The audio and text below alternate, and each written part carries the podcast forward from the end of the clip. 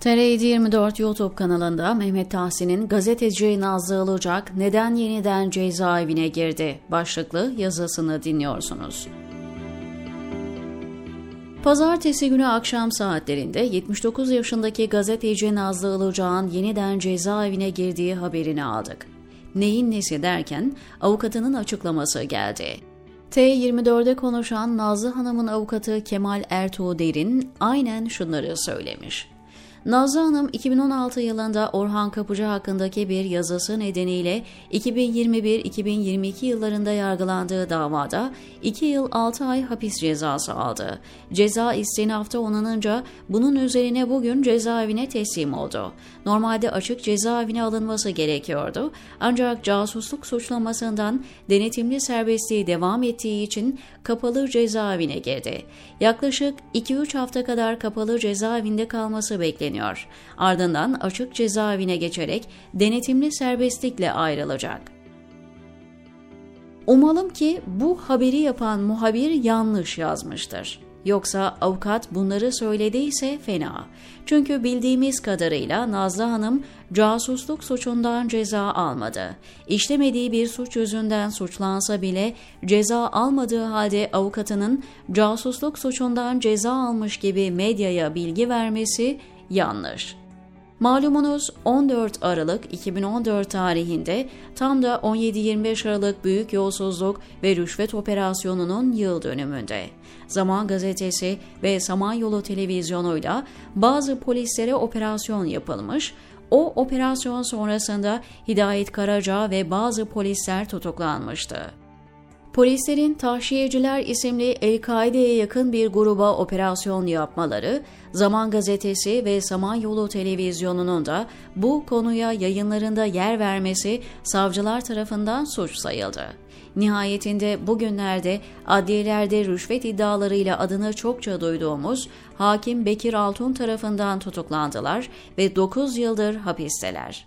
Tam o günlerde gözaltındaki polislerin avukatları tarafından dosyaya bir belge sunuldu. Genelkurmay Başkanlığı İstihbarat Daire Başkanı İsmail Hakkı Pekin imzalı 13 Mart 2009 tarihli belgeye göre taşiyeciler tarafından kurulan bazı şirketler askeri ihalelere giriyormuş. Genelkurmay İstihbarat Dairesi de MIT'e bir yazı yazarak bu kişilerin araştırılmasını istemiş.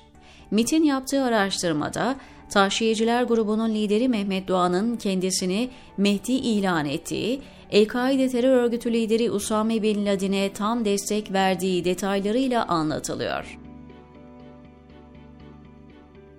İşten Nazlı 2 Ocak 2015 tarihinde bu belgeyi konu alan bir yazı yazmış ve yazının görselinde Genelkurmay'ın 13 Ocak 2009 tarihli yazısının kapak sayfasına yer vermiş. Soruşturmanın ilerleyen safhalarında 2014 yılındaki tahşiyeciler soruşturmasını yürüten Savcı Hasan Yılmaz, MİT ve Genelkurmay'a bir yazı yazarak ilgili belgenin doğruluğunu teyit etmiş.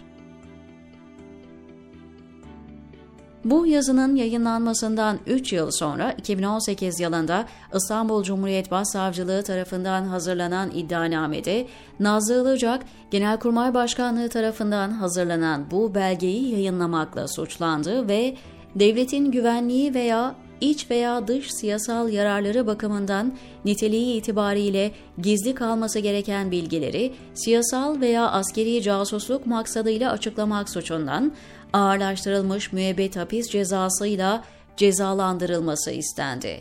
İstanbul 26. Ağır Ceza Mahkemesi'nde yapılan yargılama sonunda Nazlı Ilıcak, devletin güvenliğine ilişkin gizli kalması gereken bilgileri açıklamak suçundan 5 yıl 10 ay hapis cezasına çarptırıldı. Halbuki söz konusu olan bir gazete yazısıydı ve aynı yazı için daha önce basın savcısı takipsizlik vermişti. Yazının yayınlanmasından 3 yıl sonra 2018'de dava açıldı. Halbuki basın suçlarında zaman aşımı 4 aydır. 4 ayın sonunda dava açılamaz. Ama basın kanunu kimin umurunda?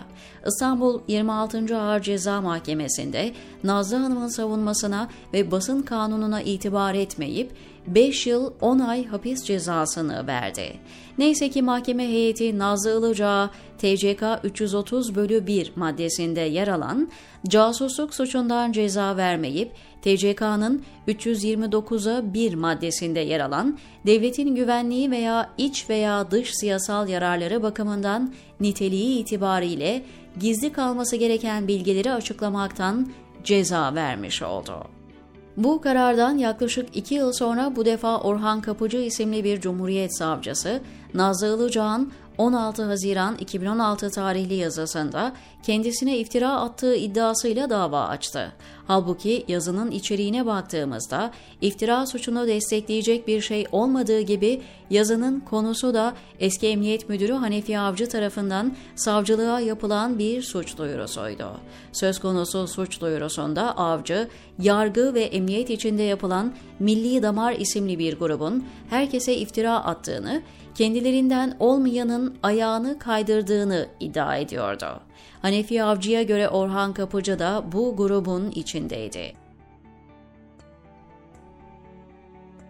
Nazlı Ilıcağ'ın yaptığı sadece Hanefi Avcı'nın bu iddiasını yazmak ve doğru olup olmadığını sorgulamak. Savcı Orhan Kapıcı'nın iddiaların kaynağı Hanefi Avcı aleyhine bir dava açıp açmadığını bilmiyoruz. Açsaydı şimdiye kadar çoktan haber olurdu. Neticede İstanbul 15. Asliye Ceza Mahkemesi'nde görülen davada Nazlı Hanım iftira suçundan 2 yıl 6 ay hapis cezası aldı. Önceki cezanın denetimli serbestlik süresinde bu cezayı aldığı için de kararın istinafta onanmasının ardından cezaevine girmiş oldu. Nazlı Ilıcağ'ın hapse gönderilmesine haklı bir tepki 25. ve 26. dönem AKP milletvekili Hüseyin Kocabıyık'tan geldi.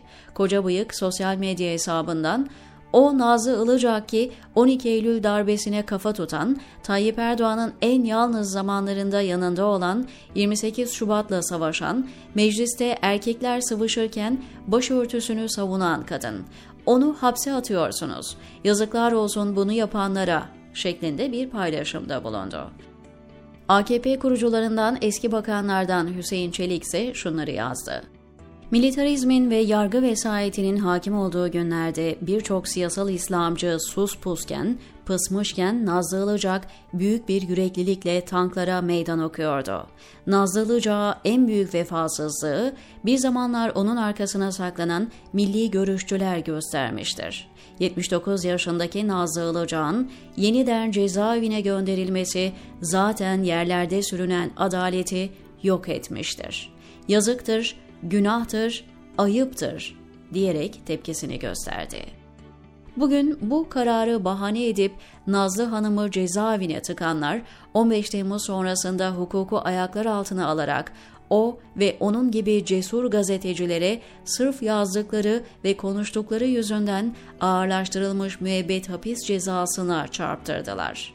Yani idam kaldırılmamış olsaydı idam cezası olacaktı. Avrupa İnsan Hakları Mahkemesi yapılanları hak ihlali olarak gördü. Yargıtay müebbet hapis cezasını bozdu ve Ilıcak ve arkadaşlarının özgürlüğüne giden kapıyı açtı.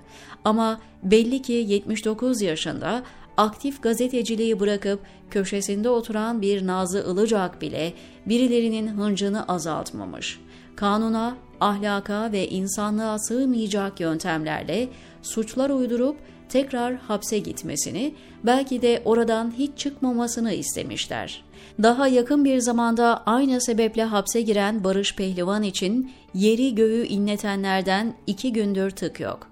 Ne diyelim, yaşattıklarınızı yaşamadan Allah canınızı almasın, diyor Mehmet Tahsin, TR724'deki köşesinde.